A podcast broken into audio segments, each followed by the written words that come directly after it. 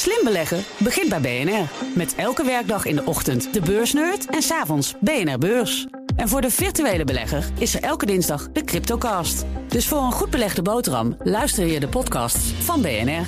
Blijf scherp. BNR Nieuwsradio. The Big Five. Art Rojakkers.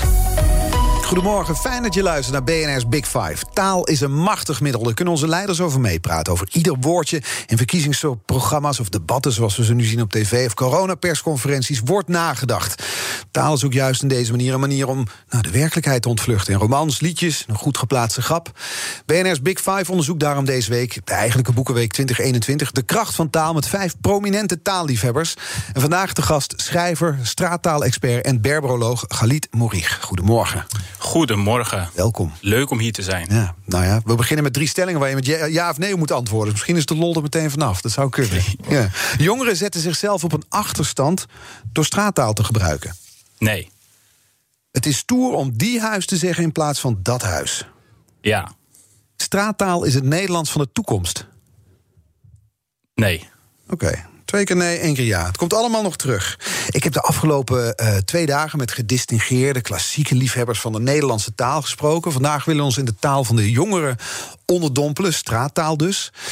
Laten we daar meteen even luisteren naar een voorbeeld daarvan. Naar de fantastische Rico Ongelooflijk. Die zat ook in mijn taalquiz Praat Nederlands met me. En hier brengt hij voor AT5 het nieuws in straattaal. Bestuurders van Scoobies hebben de afgelopen tijd veel toebers gehad. Dit kwam omdat deze kills en Scoobies verkeerd droppen bij Leidse. Stadsdeel Sentje deelde al meer dan duizend toebers uit in vier maanden. Dit is om parkeerbroeia op het plein te scotten. De Scooby-bestuurders zijn nu para. Ja, dat is dus straattaal waar we nu naar luisteren. Van Rico Ongelooflijk. Had je meteen door waar het over gaat? Ja, ja, ja. Ik, uh, ik had het voordeel dat ik het fragment al een beetje kende. Ja, dus, de scooters uh, maar, op het Leidseplein gaat maar, het over? Ja, maar ik herken de woorden natuurlijk ook ja, wel. Ja. ja. De, de, boetes komen erin voor? Inderdaad, dat is heel interessant. Want er is hier inderdaad gelijk een uh, modern fenomeen van, van de nieuwe straattaal, van de straattaal van, van tegenwoordig. Is dat ze lettergrepen omkeren. Dus boetes wordt dan toebes. En dat gebeurt dus met heel veel woorden. Dus uh, dat gebeurt zowel met uh, Nederlandse woorden, dus van originele Nederlandse woorden, maar ook woorden die uit het uh, Surinaams komen, dus Tongo. Die worden dan ook omgekeerd. En dan, dan heb je bijvoorbeeld een woord als waggi. Ik weet niet of je dat woord kent, maar ja. Dat, dat, ja, dat betekent dus auto. En -huh. dat wordt dan giwa in, uh, in uh, straattaal tegenwoordig. Dus dat ja. is weer een nieuwe ontwikkeling. Nog van de onherkenbaarder. Nog onherkenbaarder, ja. ja. Dus je hebt uh, ook goed, wordt bijvoorbeeld doeg. Dus uh, als iemand. Wordt doeg dan ook weer goed als je weggaat, of dat niet?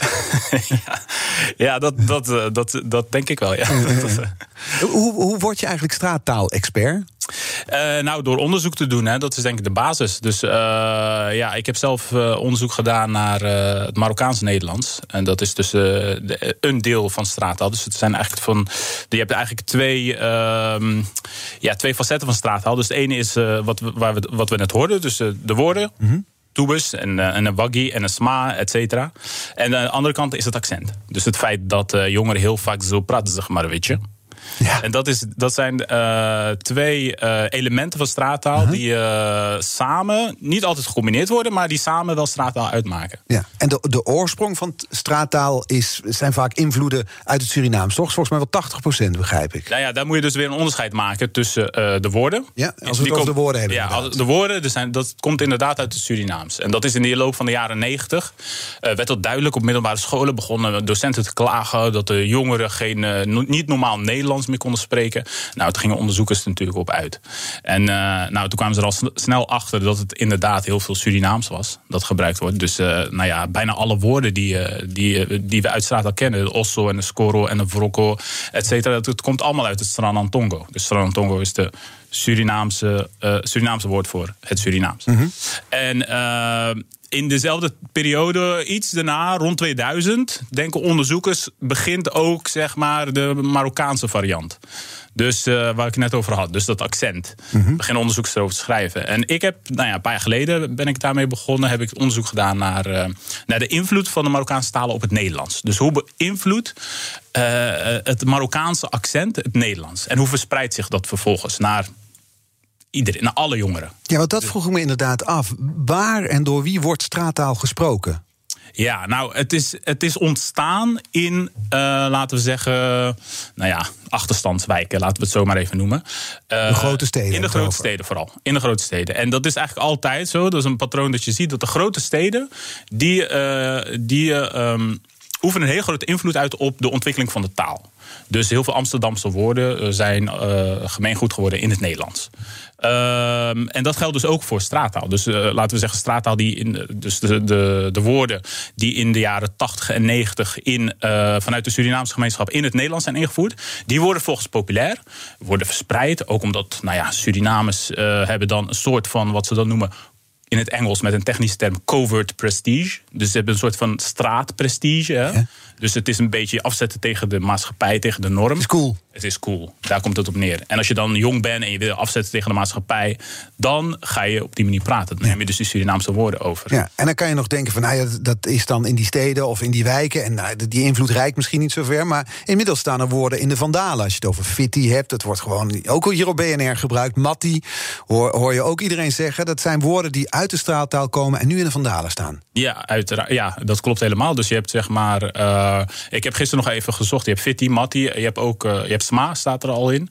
Uh, doekoe staat erin. En dat zijn natuurlijk wel woorden die al vrij oud zijn. Dus ik weet niet of uh, zeg maar, nu het mainstream is geworden... of jongeren dat dan ook nog zo stoer oh ja, dat is dan niet meer cool natuurlijk. Nee. nee, nee, dat doe je nee, niet meer. Nee, en ik denk dat heel veel mensen uh, uh, die woorden... als ze die woorden gebruiken, dat ze zich ook niet realiseren... Dat, zoals met de meeste woorden, dat ze niet realiseren... dat ze uit de straat al komen. Ja. Maar ondertussen heeft het wel invloed dus op de mainstream. Dus Ja. nou ja, Fitty en Matti en Doekoe, Sma... ja, dus dat zeg maar. Ja. En dat is dan uit dat uh, Surinaam, zeg maar. Dan komt er een gedeelte, dus niet alleen de accent, maar ook woorden komen dan weer uit het Marokkaans. Wolla, yalla yalla, uh, nou, die, dat soort woorden. Ja. Die ook breed verspreid zijn inmiddels. Ja, oké, daar moet dan wel onderscheid worden gemaakt. Dus het is heel subtiel. Hè? Dus je hebt zeg maar het Surinaams uh, heeft die, nou, wat je net zei. Heeft, zeg maar 80% van de woorden in straattaal komt uit Surinaams. Dan heb je nog wat andere talen. Het Engels heeft bijvoorbeeld ook wel wat invloed. Andere talen ook Papimento, Cafediaans in Rotterdam bijvoorbeeld. Nou, maar dat is heel, heel weinig. Het zijn een aantal woorden maar op één hand te tellen. En het Marokkaans heeft eigenlijk ook maar heel weinig invloed qua woordenschat. Dus je hebt zeg maar, nou ja, de dingen die we heel vaak horen zijn wolla en uh. Uh, nou ja, het woord dat Wat betekent tfu? Tfu betekent zeg maar uh, gatver. Uh, hoe heet dat? Um, je wil de boef aanhalen. De boef, boef inderdaad. Met keg, jaar, inderdaad. Hè? Je had een paar jaar geleden het de keg en uh, nou ja, nog een aantal andere woorden. Maar wat je eigenlijk ziet is dat die woorden, die, uh, dat zijn zogenaamde, wat ze dan uh, in, met een technische term discourse markers noemen. Dus dat is aan, wat, hoe noemen ze dat? Discourse? Discourse markers. Dat zijn ook weer allemaal Engelse termen. Maar dat geeft dus aan hoe je jezelf wil presenteren. Dus als je iets heel formeels wil zeggen, dan gebruik je dat soort woorden niet. Maar ben je onderling aan het geinen, of je wil stoer doen, of je wil een beetje grappig overkomen, ja, dan zeg je in één keer: Wolla, dat is niet zo. Wolla, dat is wel zo. Wolla, dat is niet zo. En dan ga je een soort van, ja, een soort van battle aan. Hè? Een soort Ja. van, van uh, beef heb je dan met iemand, hè? om je gelijk te halen. Maar je switcht daarin, als het dan een officieel gesprek wordt, dan stop je daar weer, weer mee. Ja, dan stop je daarmee. Ja. Ja. Dus dan, dan gaan al die woorden er eigenlijk uit. En dan wordt het minder serieus, minder ironisch ook. En dan, uh, ja, dan, dan, dan ga je serieus praten. Ja. En is straattaal is dat exclusief voorbehouden aan jongeren? Of kun je Nou, dat als, als hippe veertiger ook nog gebruiken? nou, het ligt eraan wat je beroep is en wat je Lach doet. je als- zei genoeg eigenlijk, hè? Nee, je, je zei, je zei hip, hè? Je moet, als je hip bent. Dan ben je al een oude zak. Ja, dan ben je oude zak met Ja. hip, ja. Nee, eh, ja, ik denk dat het gewoon. eh, dat je, nou, op een gegeven moment, als je, nou, laten we zeggen, uit de puberteit komt, dan, dan innoveert eh, je taal niet echt meer. Dan, dan versteent het eigenlijk. Dan heb je een soort van. Nou ja, een aantal woorden die je dan nog wel blijft gebruiken met je matties. Hè? Dus ik denk dat eh, jongeren die in de jaren 90 zijn opgegroeid... eh, nog steeds wel doekoe gebruiken met hun eh, matties. hè? Eh, en een aantal andere woorden. Alleen die nieuwe ontwikkelingen, hè, zo, waar ik het net over had... bijvoorbeeld nou ja, de omkering van die lettergrepen... Ja, dat, dat is voor als je zeg maar 25 bent... Of dan, dan is dat zeg maar... dan begrijp je daar helemaal niks van. Nee. Dus dat is echt iets wat jongeren doen. Hè? In een bepaalde leeftijdsgroep die dan... ehm, Het is een soort geheimtaal. Zoals Ja. je beschrijft. Ja, eh, zo zou je het eigenlijk wel kunnen stellen. Het is net als met het Franse verlan. Dat is ook zo ontstaan. Dat is eigenlijk een taal waarmee je anderen wil uitsluiten. Dat doet taal sowieso. Hè? Je praat altijd op een bepaalde manier om, om zeg maar, je groep om jouw groep te identificeren en anderen uit te sluiten. En dat doe je zeg maar op die manier met dat omkeren van die lettergrepen gebeurt, gebeurt dat ook. De anderen verstaan je niet. Dus nou ja, wij hebben ons taaltje hier onderling. En we kunnen ook nog dingen zeggen die de ander niet verstaat. Dus als er een, uh, een docent of een politieagent of uh, noem maar op in de buurt is, dan kunnen wij dingen zeggen die zij niet verstaan. Want we willen natuurlijk niet weten waar. Uh, ze, ze, mogen natuurlijk niet weten waar wij het over hebben. Ja, dus het is belangrijk voor de identiteit ook. Ja, ja. het heeft verschillende functies. het is zowel voor de identiteit als een markeerder. Wij zijn, wij zijn jong, wij zijn stoer, wij horen bij de straatcultuur, wij houden van rap, wij kleden ons op een bepaalde manier. ten tweede is het ook gewoon soms leuk. Het is grappig. Weet je, je kan ook uit, uit in Oud-Zuid zijn opgegroeid. Uh -huh. En dan op het gymnasium zitten. En dan af en toe zo'n straattaalwoordje met je, met je matties gebruiken, weet je wel. Hé, hey, ik ben skeerman. Weet je wel, dat soort dingen. Dat, ja, dat gebruik ik dan ook omdat dat het ook gewoon grappig is en ja. leuk. Maar het is ook een beetje sneu als dan zo'n zo zo tata dat doet, toch? nee, helemaal niet. Waarom? Ik heb zelfs in Gouda, uh, zeiden die Marokkaanse jongeren tegen me... dat eigenlijk de tata's dat vooral gebruiken. Straattaal, die straattaalwoorden. Ja, ze zeggen die Hollanders gebruiken dat meer dan, dan wij.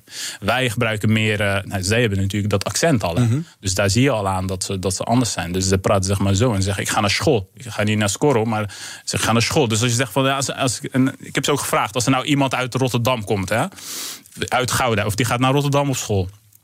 En die komt dan terug en die begint zo te praten van... hé, hey, die check die Tory, Milwaukee richting die kant, et cetera. Ja. Ga weg, joh, dan moet je niet zo met ons praten. Alleen. Je hoort niet meer bij ons dan. Nee, je hoort niet meer bij ons. Nee. Wat zeg je, wat zeg je, man? Hoezo, ja. The Big Five. Art Rojakkers. Fijn dat je luistert naar BNR's Big Five. Vandaag dus over straattaal met uh, Galit Mourich. Uh, gisteren hadden we hier Frits Spits te gast. Uh, je kent hem, want je was zelf in zijn programma. De taal staat weer te gast. Het programma met de aflevering met Frits is terug te luisteren. Net zoals alle afleveringen trouwens in de BNR-app. Vandaag dus schrijver, straattaal-expert en berberoloog Galit Mourich. En Frits Spits had een kettingvraag voor jou, Galit. Dat was deze. Welke woorden in de straattaal, Galit, zullen blijven aanwezig blijven in de Nederlandse taal? Welke zullen het maken ja. in onze taal? Welke gaan wij over tien jaar allemaal gebruiken? De toekomst voorspellen is lastig, ook voor jou, maar probeer het eens. Ja, nou, wat ik interessant vind, die vraag krijg je wel vaker. Maar het is dus heel vaak hebben mensen niet door dat de straat al, al is doorgedrongen tot het Nederlands. Dus waar je het net over had, de Fitty, Twan Huis gebruikt het en et cetera. Jij gebruikt het vast ja. ook. Uh, dus er zijn al straattaalwoorden uh, in het Nederlands doorgedrongen. Uh, ik heb wel even nagedacht, want ik vond het wel leuk om daar een beetje over te filosoferen, zeg maar. En uh, ik denk dat, nou ja, die hele vieze woorden, die gaan we niet gebruiken, denk ik. Mm -hmm. Dus woorden in het domein van nou, scheldwoorden of dingen die met drugs gerelateerd zijn, dat, dat zijn altijd een beetje criminele onderwereldtermen. dus ik denk niet dat die gaan doordringen tot het standaard Nederlands. Wat ik wel denk, hè, dat is, pin me er niet op vast, nee. dat is. Uh, dingen die met geld te maken hebben. Die, die, uh, die, nou, je ziet dat zelfs nou ja, in mijn leven hebben ze dan. Uh, toen ik jong was, had je dingen als een, als een meijer. En een, misschien nog steeds. Mm -hmm. en, en, een, en een geeltje en zo. Dat was in de gulden tijd. en tegenwoordig heb je dingen zoals. heb je een woord zoals lotto. Een lotto. Ken je dat? Nee. Nee, dat is 5 euro. En dan heb je een Donny voor 10 euro, een Bankoe voor 50 euro en een Barkie voor 100 euro. Die laatste ken ik wel, maar dan weer van de jeugd van tegenwoordig. Die oh, hebben daar een, ja. nummer over gemaakt. Ja, ja, ja, ja. En dat wordt dan ook weer gebruikt voor uh, je bent niet Barkie. Dus je bent niet 100, je bent niet helemaal uh, oké. Okay. Yeah. Je bent gek. Yeah. Zo wordt dat ook gebruikt. Maar ik denk dat dit soort woorden, dat die wel uh, langzaamaan tot het standaard Nederlands gaan doordringen. Want het zijn ook gewoon leuk. En ik denk dat als je kijkt naar het Nederland van tegenwoordig, je hebt steeds meer armoede en zo, dat dat steeds meer een rol gaat spelen. Dus dat je steeds meer over geld gaat praten. Maar ook het feit dat je bijvoorbeeld blut bent. Skeer zijn. Dat vind ik ook een mooi woord. Klinkt ook gewoon lekker. Skeer. Skeer. Ik ja. ben skeer. Ken je, ken je het? Ja. Ja, nou, ja. zie je? Die, die is inderdaad al een beetje zo, die hoor je al ja. vaker voorkomen. Ja, en zo gaat dat. Als dus nou, mensen zoals jij of uh, mensen op tv dat mensen soort woorden. jij. Ja, ja. als die dat soort woorden gaan gebruiken, dan wordt het gemeengoed.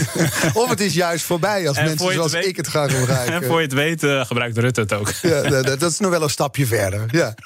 Nog, nog even naar dat accent wat je net deed. Hè? Wat je, waarvan je zegt, het zijn niet alleen de woorden, maar het is ook dus dat accent dat die straattaal definieert. En het feit dat, dat het nage, Ja, het wordt het dan nagedaan door anderen, dat Marokkaanse straataccent? Ja, nou, je moet eerst. Wat de, de, de interessante vraag is: waar komt het eigenlijk vandaan? Waarom praten mensen op die manier? En dan ga je kijken naar de ouders. En die ouders die praten dan bijvoorbeeld. Nou ja, eh, als, als, als er stereotypen worden gedaan van eh, gastarbeiders of mensen die eh, uit een ander land zijn gekomen, dan hoor je heel vaak dat ze dan de sh doen. Hè? Dus Ja. school wordt School. school. Of ik ga naar huis. Weet je wel, huis en dat soort dingen. Nou, dat, dat zie je terug bij de ouders. Dus die ouders die praten op die manier. Alleen die jongeren nemen dat niet eh, per se, die kopiëren dat niet per se op die manier, maar die gaan ermee aan de haal. Dus eh, Maken waar, het eigen. die maken het eigen. Ja, dus waar een, een, een, een oudere Marokkaanse Nederlander uh, house zou zeggen, zou een jongere dat nooit doen. Dat, is, dat noemen ze dan illegale taal. Dus de taal van de illegale. Ilitaal, af, uh, afgekort. En daar wil je niet mee geassocieerd worden? Daar wil je niet mee geassocieerd worden, want je bent hier geboren en getogen, et cetera. Dus, dus wat je dan doet, is dan, dan neem je die klank, dus de S, die, en ze kunnen heel goed een S uitspreken, dat is het probleem niet. Maar ze doen het opzettelijk. Dus als je zegt, ik ga naar school, of ik sla je, of als ik uh, jongeren vraag, wat is nou typisch aan, uh, aan jullie uh, taal, dan zeggen ze ja, uh, sla snijden. en, en dat is precies waar je. Is. Ja, precies wat het is. Dat is ook precies waar je dus die, die, uh, de uitspraak van die klank krijgt. Alleen aan het begin van een woord. Ja, maar dus dat vindt dus een oorsprong in de achtergrond van die jongeren. Ze kijken naar hun ouders, dat is het accent dat ze misschien thuis gehoord hebben. Vervormen dat naar een ander gebruikende taal. En dan wordt het in één keer straattaal. Ja. Dus het, het, is een heel creatieve manier van het gebruik van, van bepaalde klanken. En daar spelen ze ook mee. Hè? Dus uh, ze kunnen heel goed school zeggen. En in een formele situatie kunnen ze heel goed: ik ga naar school zeggen. En dat gebeurt ook. Dat heb ik ook. Daar heb ik ook bewijs van. Maar dan, gaan, dan zijn ze vervolgens aan het geinen onderling en een beetje aan het klieren. En dan hoor je: hey, ga naar school, weet je wel? Die school. En dan, en dan uh, ja, dat geldt hetzelfde. Hetzelfde geldt niet alleen voor de klanken, maar ook voor het lidwoord. Ja. Dus als we kijken naar de grammatica, dan zie je dat eigenlijk ook terugkomen. Ja, want de, een van de stellingen was: het is stoer om die huis te zeggen in plaats van dat huis. Daar zei hij op ja. Ja, dat klopt. En het bewijs daarvoor is eigenlijk dat je een, een heel simpele regel in het Nederlands is dat je als je een verkleinwoord hebt, dat het altijd een het-woord is. Dat is gewoon geen uitzondering. Verkleinwoord het, het huisje. Altijd dat klopt het. dan. Ja. Altijd het, zonder uitzondering. En in andere gevallen moet je het leren. Dus da daar, daarom hebben zeg maar, buitenlanders altijd moeite mee. Hè? Of het nou het of de is. Dat is een van de struikelblokken. Ingewikkeld, ja een van de struikelblokken van het Nederlands. Maar als je dan kijkt naar, uh, naar het verkleinwoord, is altijd het. En toch, en die jongeren zijn in Nederland opgegroeid, zijn hier naar school geweest, et cetera. En toch gebruiken ze die. Dus dan zeg je, uh, ja, hij staat bij die bruggetje. Of ja. uh, kijk, die mannetje. Ja. Het is altijd die. Maar ja. ze weten heus wel dat het het is. En soms, soms corrigeren ze elkaar. En wat ook. is dat dan? Dat is omdat het stoer is. Dat is omdat het stoer is. Je kan niet, uh, je kan niet die, uh, dat bruggetje zetten, want dan klink je formeel. Dus dan, uh, ja, dat, en als, je iets niet wil, dan wil je, is het formeel klinken. Ja. Dat, dat wil je niet. Nee, dat wil je niet, vooral niet op die leeftijd. Nee. Dus je, je, bent, je bent informeel bezig, zeg maar. Je bent aan het klieren, je bent aan het geinen. En dan, ja, dan gebruik je die. Hè? Ja. Die meisje, die bruggetje. Ja. Het is dus niet, want dat, misschien zullen sommige mensen denken... het is een spraakgebrek, maar het is gewoon echt bewust. Ja, nou, het is een best wel een, uh, een complex verhaal. Dus je hebt ook wel dat het moeilijk is om te leren. Dus het onderscheid tussen de en het is best moeilijk om te leren in het Nederlands. Mm -hmm. Uiteindelijk uh, leren heel veel jongeren dat natuurlijk wel. En ook een bepaalde, nou ja, heel veel uh, frequente woorden... daar leren ze natuurlijk wel van. Het huis, iedereen weet dat het het huis is. En toch zeggen ze die huis. En uh, dat, dat, dat is dus één deel van het verhaal dat het best wel moeilijk is. Dus ik vind wel dat in het onderwijs dat daar wel echt veel aandacht aan moet worden besteed. Ja, daar ben je ook mee bezig. Ja, uiteindelijk word je daar wel op beoordeeld. Ja. In de maatschappij. Ja, maar je bent dus ook bezig, je vindt dus ook je, dat, dat docenten meer kennis moeten hebben van de straattaal. Ja, absoluut. Dat, dat betekent niet dat ze het moeten gaan praten. Dat is iets anders. Maar ze moeten wel weten. Op school. Nou ja, dat mogen ze ook wel eens gebruiken. ja, ik ben docent op deze school. Ja. nou ja, zulke dingen. Nee. Ja. Uh, maar ze moeten wel weten waarom en uh, waarom jongeren het gebruiken en hoe het in elkaar zit. Ja. Dat, vind, dat is heel belangrijk. Want alleen op die manier kun je aan de taal, dus aan de standaardtaal gaan werken. Ja. Als je weet hoe, waar de struikelblokken zitten in de straattaal, wat moeilijk helpen. is voor de jongeren, dan kun je ze helpen. Ja. Want die struikelblokken, het is duidelijk. Ik, ik, uh, ik hoorde van de biograaf van Abu Taleb, een mooi boek over hem verschenen. Die zei dat hij, de burgemeester van Rotterdam, alles juist verkleint, omdat hij dan nooit een fout maakt. Dan is het namelijk altijd het. Een andere generatie, maar is natuurlijk slim bedacht. Ja, dat is heel, heel slim. Ja. of hij het dan over het stadje heeft waar die burgemeester van is, dat weet ik trouwens niet. Het zou wel weer gek zijn. Nou, dat klopt. In, misschien als je het vergelijkt met- op internationale schaal is het een ja, stadje. misschien wel. ja. Die, die straat dan en ook dat accent waar je het over hebt... en de woorden verspreidt zich ondertussen onder mensen... waarvan je het misschien niet verwacht. Ik wil je graag laten luisteren naar witte Groningse koorbal. Nou kijk, ik kom hier net fucking fast as fuck boy hier naartoe fietsen. Alle clubs dicht. Half, eh, half twee, alles dicht. Had je kunnen weten. Ik weet, ik bro, ik fiets koud hard fast as fuck boy. Sonic modus jongen. Ik fiets hier. Wahed snel. Ik kom hier. Niks is open bro. Ja, ja, geweldig. Ik ken het fragment natuurlijk. Ja. Het ging op een gegeven moment viral op eh, social media en zo. Maar eh, wat, wat ik opvallend vind, ik heb, het, ik, heb ook even, eh, ik heb het ook even geanalyseerd, is dat hij bijvoorbeeld het niet gebruikt. Ik weet, boy, weet je, niet ik weet het, maar ik weet. Dat is ook typisch voor straattaal, dus dat je dat weglaat. Een ander ding is bijvoorbeeld, ik weet niet of het je opgevallen is, maar hij zegt wahed snel. Hoor je dat? Ken je dat? Nee. Wahed? Nee, wahed, dat komt dus van het Arabisch wahd. En wahd betekent één. Dat betekent gewoon een. En de- ondertussen heeft dat, dat is dus eh, een telwoord, maar in de straattaal heeft dat een andere betekenis gekregen. Dat betekent iets van supersnel. Ja, ja, wahed, snel. ja. supersnel. Ja, en zo heb je een, een hele reeks aan woorden, zoals ja, yik in het, in het, in het Marokkaanse Arabisch, dat wordt dan hayek in het Nederlands. Ja. Omdat die, ja, weet je wel, die keelklank, die, Precies, die is lastig. die is Ja. lastig. Dus dat wordt dan hayek snel. Dat Ja. kun je dan ook gebruiken voor heel erg snel. Ja, We gaan nu wel het snel naar. zei ik het goed of niet? Perfect. Oké, we gaan wel het snel naar eh, het nieuws. En dan zijn we zo meteen terug voor het tweede half uur van BNR's Big Five met Galit Mourich. Tot zo. Nieuwsradio. The Big Five. Art Rojakkers. Welkom bij het tweede half uur van BNR's Big Five. Deze week met vijf grote taalliefhebbers. Vandaag de gast schrijver, straattaalexpert en berberoloog Galit Mourich. We hebben het al een half uur over die straattaal. Eh, en we begonnen met een aantal stellingen. En één daarvan was jongeren zetten zichzelf op een achterstand... door straattaal te gebruiken. Zei meteen nee. Nee, ja, het is een, een ingewikkeld verhaal. Maar ik denk dat, eh, dat het niet per se betekent dat je een achterstand hebt. Ik bedoel, wat ik net zei. eh, Je jong- niet hebt, maar dat je jezelf misschien op een achterstand zet. Nee, dat, is, dat, is, dat, dat heeft uit onderzoek is dat ook gebleken. Dat het meer te maken heeft met het taalaanbod thuis. Dus, Wil je dat? Nou, in de zin van wat is de kwaliteit van het Nederlands dat je krijgt? Eh, dat je hoort, dat je leest. Eh, hoeveel tijd wordt er aan eh, taal besteed? Wordt, er ook, wordt er ook uitleg gegeven? Wordt er met je gepraat? Mag je terugpraten? Is, is er een activerende taal om je heen? Dat soort dingen spelen allemaal veel grotere rol. Als je een gezin opgroeit waar geen Nederlands wordt gesproken... omdat de ouders nou eenmaal hun moedertaal met elkaar gebruiken... en op straal, straat spreek je vooral in straattaal... dat zal niet heel erg goed zijn voor de ontwikkeling van je... voor de, ontwikkeling, moet je mij horen, ga ik meteen struikelen. Voor het ontwikkeling van je, daar is de, weet ik ook wat ik wil zeggen, je Nederlands. Dat is moeilijk, ik zei het toch al.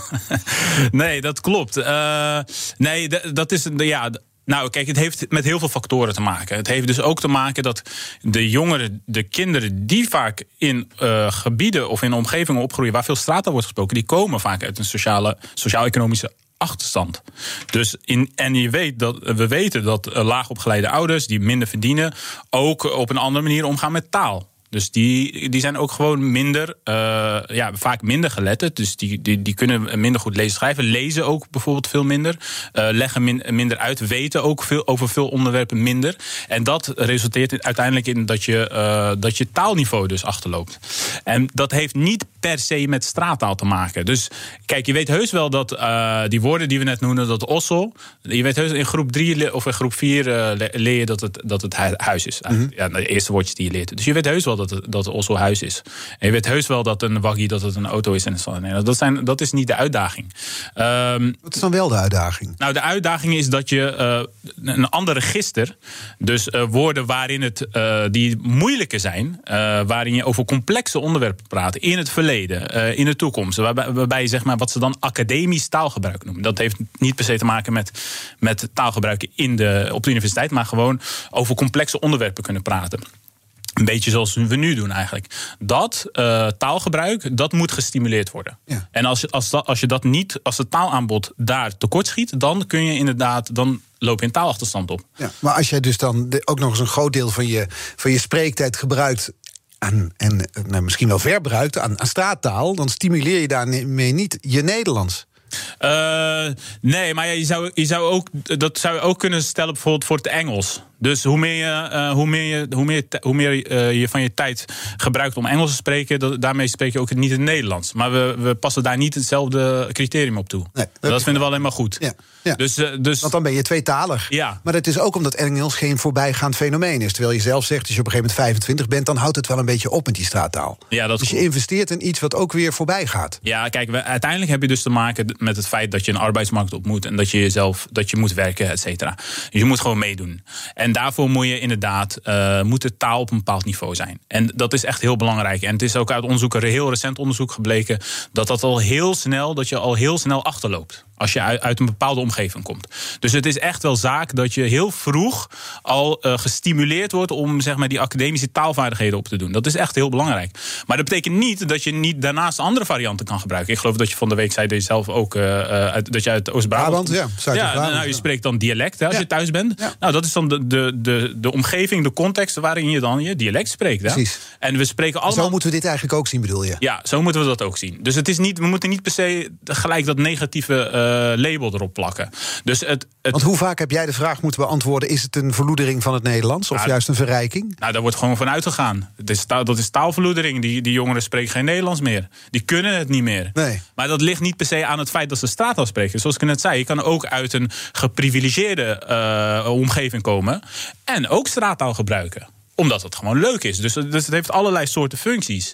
En dat onderscheid moeten we. Het is wel belangrijk, vind ik, dat we dat onderscheid zien. En dat we dus dan wel werken aan dat standaard Nederlands, dat dat op niveau is. En zo ver, zoveel mogelijk proberen gelijk te trekken. Ja, en dat zit hem dus in onderwijs. En daarom ben je dus aan het stimuleren. Docenten, heb meer aandacht voor straattaal. Ja, dus eh, je moet ten eerste moet je weten in.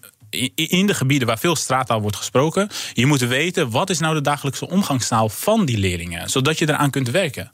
Je kan ze wel een norm opleggen en zeggen van ja, zo moeten wij het doen. Maar de vraag is, werkt dat ook? Werkt dat stimulerend voor die kinderen om die norm inderdaad te doen? Of is dat weer van ja, dat is hoe de docent spreekt, dus dan moeten wij dat zo doen? In plaats van dat je zeg maar vanuit de, de, de straattaal gaat Wat staat werken. het concreet? Want ik, ik, snap je, ik snap je redenering, maar Ja. probeer het te vertalen naar iets concreets. Dan ben je Ja. dus docent, je staat voor een klas. Jij verlangt niet van docenten dat ze in straattaal Nee. les gaan geven. Nee, nee.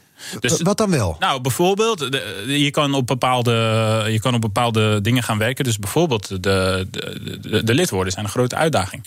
Dus je kan gaan werken op het. Op, eh, je kan je echt daarop richten. Dus je kan in plaats van dat te negeren, kun je zeggen van nou, we gaan werken aan eh, wat zijn het woorden, wat zijn de woorden. Want je weet dat je uiteindelijk daar wel op beoordeeld zal worden. Ik Nee, weet maar nog dan, dan ga, je, ga je dat jongeren leren. En vervolgens slaan ze je, eh, je tips, adviezen en lessen in de wind. Want het is niet cool om dat, dat huisje te Nee, zeggen. ja, binnen hun contexten. Dus wat je ook moet doen tegelijkertijd, is, is ze leren dat ze moeten schakelen in bepaalde contexten. Dus als je, als je een sollicitatiegesprek hebt, dan weet je dat je niet moet zeggen: hey, ja, ik vind, lijkt me wel school. Ja, ik, eh, ik moest, moest van school hier zitten en het lijkt me wel dope om hier eh, te komen werken. Weet Ja. je, om wrokkel te doen. Weet ik veel, zoiets. Dat, Ja. dat kan niet. Nee. Dus dat moeten die, die, zeg maar, die sensitiviteit moeten ze ook leren. Dat ze, dat ze moeten schakelen tussen het standaard Nederlands en, en, de, en, en straattaal. Ja. En, je, en die kennis wil jij verspreiden. Dus daar, daarvoor ben je concreet bezig met docenten. Je maakt ook een nieuwsbrief over straattaal. Echt om het, om het te verbreden, toch? Ja, dat klopt. Ja. Dus eh, nou, wat ik doe is dat ik af en toe feitjes deel over straattaal. Eh leuke krantartikelen met een, met een analyse erbij. En dat, pro- daarmee probeer ik zeg maar bewustwording onder docenten te creëren. Van wie zijn, wie zijn nou eigenlijk die straattaalsprekers? Waarom doen ze dat? En hoe zien wij ze ook? Dus het gaat ook om perceptie. Dus wa- waarom? En hoe eh, zien we ze dan? nou ja, heel vaak, en dat is ook uit onderzoek gebleken, hebben wij een heel duidelijk beeld bij taalvarianten.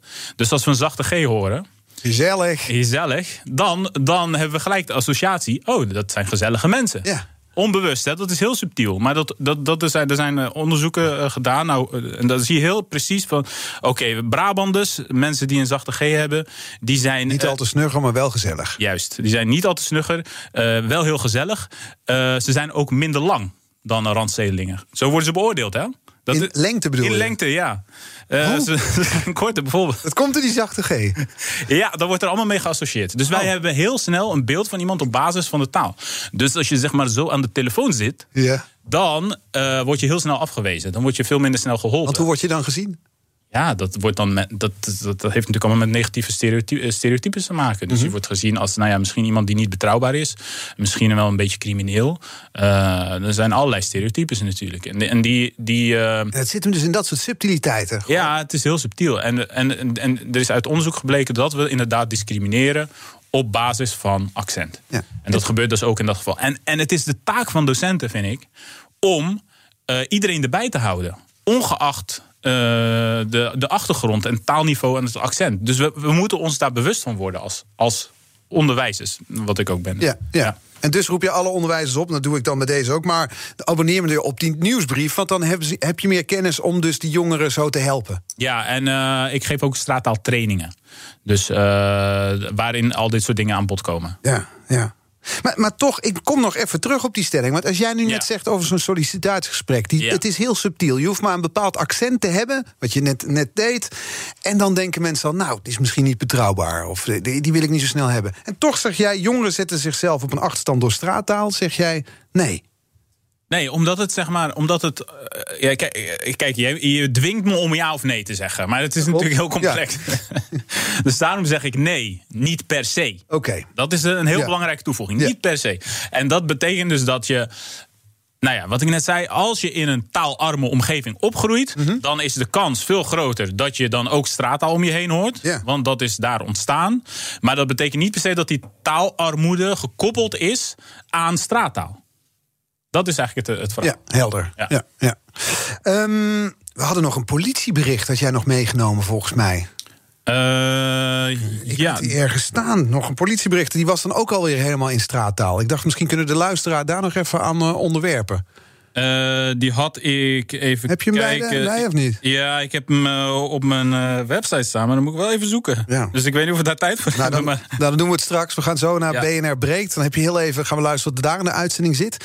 Nou, dan gaan we heel even één ander onderwerp bespreken terwijl je zoekt. Want ik had het er net over. Er is een politieke partij die zegt we gaan Berbers. Nou, sowieso D66 heeft verkiezingspamflet in het Berbers dialect vertaald. Er is meer aandacht voor het Berbers. Dat probeer ik eigenlijk maar te zeggen. En er is ook uh, uh, de PvdA komt nu met een voorstel om de naam Berber te vervangen. Uh, dat heeft helemaal niks met straattaal te maken. Maar toch zei hij, daar wil ik het wel even over hebben. Omdat het, het, het is een beetje de ja, sign of the times, zeg je dan? Ja, dat denk ik wel. Nou, kijk, er is in het, in het Rifgebied, in het noorden van Marokko, is er de laatste jaren heel veel gebeurd. Uh, het is altijd een beetje een onrustig gebied geweest. Hele slechte verhouding met de centrale overheid in Marokko. En uh, dat heeft zich ook uh, in Nederland waren er ook veel manifestaties en demonstraties om de mensenrechten situatie mm -hmm. daar aan, aan, aan op de kaart te zetten. Ehm, ja, sommige partijen hebben daar uh, zeg maar, daarop voortgeborduurd. En die hebben ook geprobeerd, nou ja, de, de, de of Amazigh, dat is een andere term, uh, achterban aan zich te binden. En dat doe je natuurlijk door de taal te gebruiken. Ja. Dus de PvdA heeft dan uh, het voorstel gedaan om het uh, woord Berber te vervangen door, uh, door Amazigh. Of Omdat het te, te, negatief overkomt. Hè? Het, het, het, zou associaties met barbaars bijvoorbeeld oproepen. Ja, ja. dus dat is wat heel veel Berbers of Imaziren, zoals ze worden genoemd, uh, zelf zeggen. Die vinden dat er een associatie is met, met de term uh, barbaars. Um, Vroeg me dan meteen af, want dit is dan zo'n politieke discussie. Ja. Zo'n politieke partij die dat doet.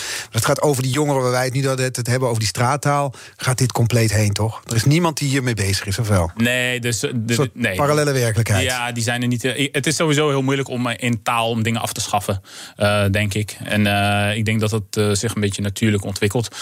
wat je ik vind het een heel mooi term, tamazicht, om dat te vervangen, om Berber te vervangen daarvoor. Het betekent niet per se dat Berber uh, een negatieve klank, bijklank heeft in het Nederlands. Ik bedoel, uh, Berber is een heel mooie meisjesnaam. En uh, het is ook een. het wordt vaak geassocieerd met, een, een, een, met de woestijn. En dat is ook heel mooi. Zo.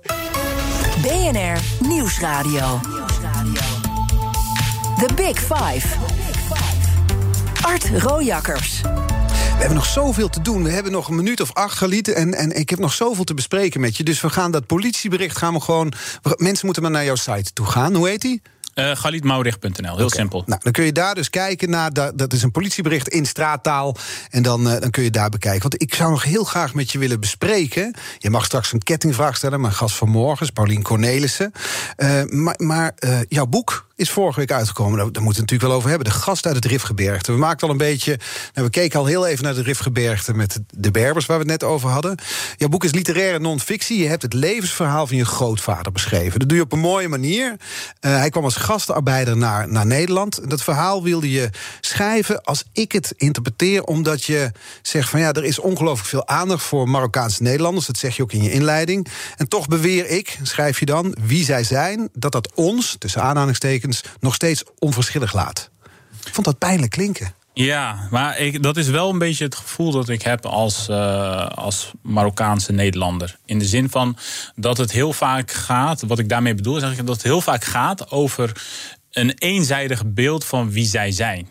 Dus wat de, de moslim, de gastarbeider, de allochtoon is. Er zijn allemaal verschillende termen voor uh, gebruikt in het verleden en nog steeds.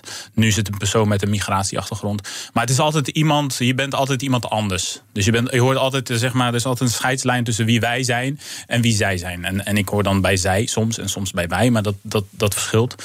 Maar heel vaak heb ik wel het idee dat ik nooit helemaal bij hoor. Dus je kan wel, ja, dan, dan, dan, het woord integratie wordt natuurlijk heel vaak gebruikt. En dan zeggen ja, als je iets doet, dan ben je, als je iets negatiefs doet, uh, dan ben je slecht geïntegreerd. Doe je iets goeds, dan ben je goed geïntegreerd. Maar je valt altijd binnen het kader van de integratie. Mm -hmm. Dus je kan nooit. Of als je iets slechts doet, dan ben je die Marokkaan. Als je iets goeds doet, dan ben je er een van ons. Ja, zo. Uh, op, op die manier. Maar het, ja, maar het is wel altijd binnen het kader van wel of niet geïntegreerd. Yeah. En dan, ja, dan ben je aan de, zeg maar, minder geïntegreerd. Ben je Marokkaan en beter geïntegreerd ben je misschien een Nederlander af en toe. Uh, maar je bent altijd anders. Dus je bent nooit zeg maar een individu. En dat, dat vind ik heel lastig. Dus in de zin van dat je als, je als je op je gedrag wil worden beoordeeld, dan gebeurt dat eigenlijk nooit. Nee. Dus je, je bent, uh, ik, ben altijd, ik word ook altijd mede verantwoordelijk gehouden voor wat iemand van, die als allochtoon wordt gezien, of in dit geval Marokkanen, want vaak zijn Marokkanen ook allochtoon. Dat wordt allemaal bij elkaar gegooid. Hè. Dus de Schilderswijk zijn allemaal Marokkanen, ja. maar, dat hoor ik vaak. Maar het is een heel gemengde wijk, er woont van alles en nog wat door elkaar. Uh, maar je bent nooit zeg maar deel van van wat wij zijn. Dus je bent nooit de standaard mens. Je bent nooit een, een overkant van de rivier nooit, eigenlijk. Ja, ja, dat is het. En je bent nooit een individu. Ik word, ik word dus niet op mijn individuele uh, gedrag beoordeeld. Maar ik word beoordeeld op wat, wat die hele groep doet. Ja. Of wat slechte elementen in die groep doen. En zo en jij wordt, wordt aangesproken op integratie. Ja, vaak. Dat is, dat is me, heel mijn leven eigenlijk wel gebeurd, ja. Dus dat, dat, daar word je constant mee geconfronteerd. In allerlei situaties. En dus dat, ja, mensen Iemand die- benaderen je heel vaak op die manier. Hè. Het is vaak de eerste vraag. Dus heel vaak wordt je vraag gesteld, ben je moslim? Eh, eh, eh, wanneer ga je terug? Oh, wat spreek je goed Nederlands? En dat, dat zijn allemaal complimenten, hè? Nou ja, tenminste dat laatste. Maar dat wordt niet, ik, ik ervaar dat niet als een compliment. Of, ja, ehm, je bent eigenlijk gewoon een Nederlander. Weet je wel? Dus Eigenlijk gewoon een Nederlander, Ja, in de manier waarop die vraag wordt gesteld, gaan mensen dus vanuit dat je, dat je er eigenlijk niet echt bij hoort. Maar dan laat je door je gedrag zien dat je wel eh, goed bezig bent. En dan ben je eigenlijk een Nederlander. Of dan, oh, wat praat je goed Nederlands? Ik had eigenlijk verwacht dat je niet zo goed Nederlands zou praten. Maar je praat goed Nederlands. Dat is verbazingwekkend, zeg maar. Terwijl het verbazingwekkende vond ik juist dat uit het verhaal van jouw grootvader blijkt dat eh, hij kon niet eh, lezen, hij kon niet schrijven. Ehm, twee generaties verder sta ik hier tegenover een berberoloog, een straattaal-expert en, en iemand die eh, boeken schrijft. Eh, dat is natuurlijk een enorme stap in twee eh, generaties. Dat, dat is, daar kan je het woord integratie doet dat tekort ongeveer.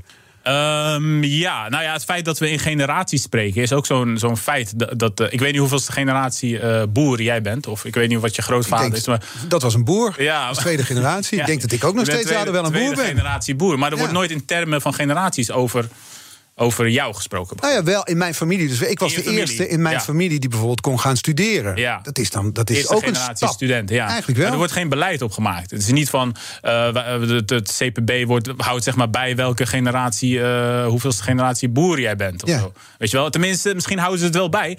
Maar er wordt, er wordt geen issue van gemaakt. Geen politiek issue. En bij mij wel. Ik word heel vaak gevraagd hoeveelste generatie ben je dan? En dan, ja, dan denk ik van wat betekent dat eigenlijk? Nee, wat ik niet probeer te vragen is Nee, hoeveelste generatie je bent. Maar wat ik probeer te zeggen is dat. Eh, toen ik jouw boek las, dacht ik: wat, wat een. Bedoel, het levensverhaal van jouw opa is, is indrukwekkend. Ik kwam hier als een van de eerste gastarbeiders naartoe. Eh, en moet je kijken wat jij dus nu hoe jij zijn verhaal opschrijft. Wat een rijkdom daarin zit. Ja, ja, nee, absoluut. En dat, dat, dat vind ik dat we dat, zeg maar, die groep, die mensen die analfabeten waren, die eigenlijk nooit een, een stem hebben gehad in Nederland. Want ze, er werd ook vanuit gegaan dat ze maar tijdelijk zouden komen als gasten, hè, vandaar de term gastarbeiders. Dat zei hij, dat zei mijn opa zelf ook. Er werd vanuit gegaan dat we na een paar jaar weer terug zouden gaan. Uh, dat is niet gebeurd. Maar als je dan kijkt naar wat hij eigenlijk heeft bereikt door te migreren. Dat, dat is eigenlijk de grootste stap geweest. Zowel economisch mm -hmm. als cultureel, et cetera. Dus alles wat ja, wat, wat ik doe, die eigenlijk in een soort van vergeleken bij hem in een geprivilegeerde situatie is opgegroeid. Uh, ja, valt, ik wil niet zeggen valt in het niet, maar is, is, wordt vaak overschat. Dus ik vind dat wat hij heeft gedaan. Dat dat misschien nog wel groter bedoel je? Ja, dat is misschien nog wel groter. Die stap, die eerste stap. Die eerste stap. Om, om zeg maar vanuit die ontzettend moeilijke situatie. Want ik beschrijf in dat boek hoe moeilijk het was om een paspoort te, mm -hmm. te, te bemachtigen. Hij moest zijn werk opgeven. Hij moest zijn gezin achterlaten. Hij moest vertrekken. Ja. En uh, met heel weinig geld. En naar een onzekere toekomst. Naar een onzeker uh, land. En, en dat, is, dat is een ontzettende reis geweest. Ja. En dat heb ik allemaal niet meegemaakt. Nee, nee. nee je zou in zekere zin kunnen zeggen: mijn bedje was wel gespreid vergeleken bij, bij hem. Hè. Dus ja, niet, ik vind dat je jezelf daarmee tekort doet. Maar ik vind het mooi hoe je over je opa spreekt. Het boek is dus De Gast uit het Riftgebergte. Ik kan het aanraden. Morgen is hier uh, Paulien Cornelis te gast. Schrijver en theatermaker. Uh, en ook taalliefhebber. Uh, jij mag haar een kettingvraag stellen. Wat zou je van Paulien willen weten? Ja, nou, Paulien had laatst een artikel in de Volkskrant over de ingeslikte ja. Dus de, ja, ja. Die, ja. ja. Ik, ik, vind het moeilijk om te doen. Maar ja, ik, ik heb hem nu geperfectioneerd. Ja, ja. ja. Gebruik je hem nu ook vaker? Of, uh, nee, zeker niet. Nee, nou, nee, dat, nee. nou, dat is dus uh, de ja, en die kende ik al uit andere uh, culturen. Want ik was een keer op vakantie in Ethiopië. En uh, de mensen spreken daar, uh, heel veel mensen spreken daar Engels. En die zeiden allemaal, als ik iets zei van uh, klopt het dat dit of dat, zeggen ze yes. Yes. Ah. Dus, en, dus wat zou je van Paulien willen weten? in, in de, en wat ik heb onderzocht, de Marokkaanse cultuur, heb je, heel, heb je klikgeluiden. En die gebruik, worden ook gebruikt in, het, in de in Marokkaanse Nederlandse straattaal. Dus uh, betekent nee en betekent ja. Hoor je constant. Dat is veel makkelijker dan ja. ja. Nee. Dus, en, en ik wil weten of dat, in, uh, de, of dat in het Nederlands, of er ook klikgeluiden zijn om oftewel, ofwel ja of nee te zeggen. Ik ga het aan Paulien vragen. Het was een vol uur, het zat overvol, dus we moeten nu ook gaan afronden. Dank voor je komst vandaag, Galit. Um, deze aflevering van BNR's Big Five is terug te luisteren. Net als de rest van de aflevering deze week. De podcast is te vinden in de BNR-app en op bnr.nl. Nu Kees Dorrestein met BNR Breekt. En morgen dus Paulien Cornelis, de gast hier. Tot BNR Headlines. De hele dag binnen- en buitenlandse politiek. In Nederland hebben we geen munitiefabrieken. De hele dag economie. Vijf dagen in de week bezorgen, dat kan niet uit. De hele dag technologie. Amerikanen weer op de maan. Heb je eigenlijk geen tijd, maar wil je toch op de hoogte blijven? BNR Headlines. Het laatste nieuws, maar dan in het kort. Ga naar je podcast-app en abonneer je op BNR Headlines.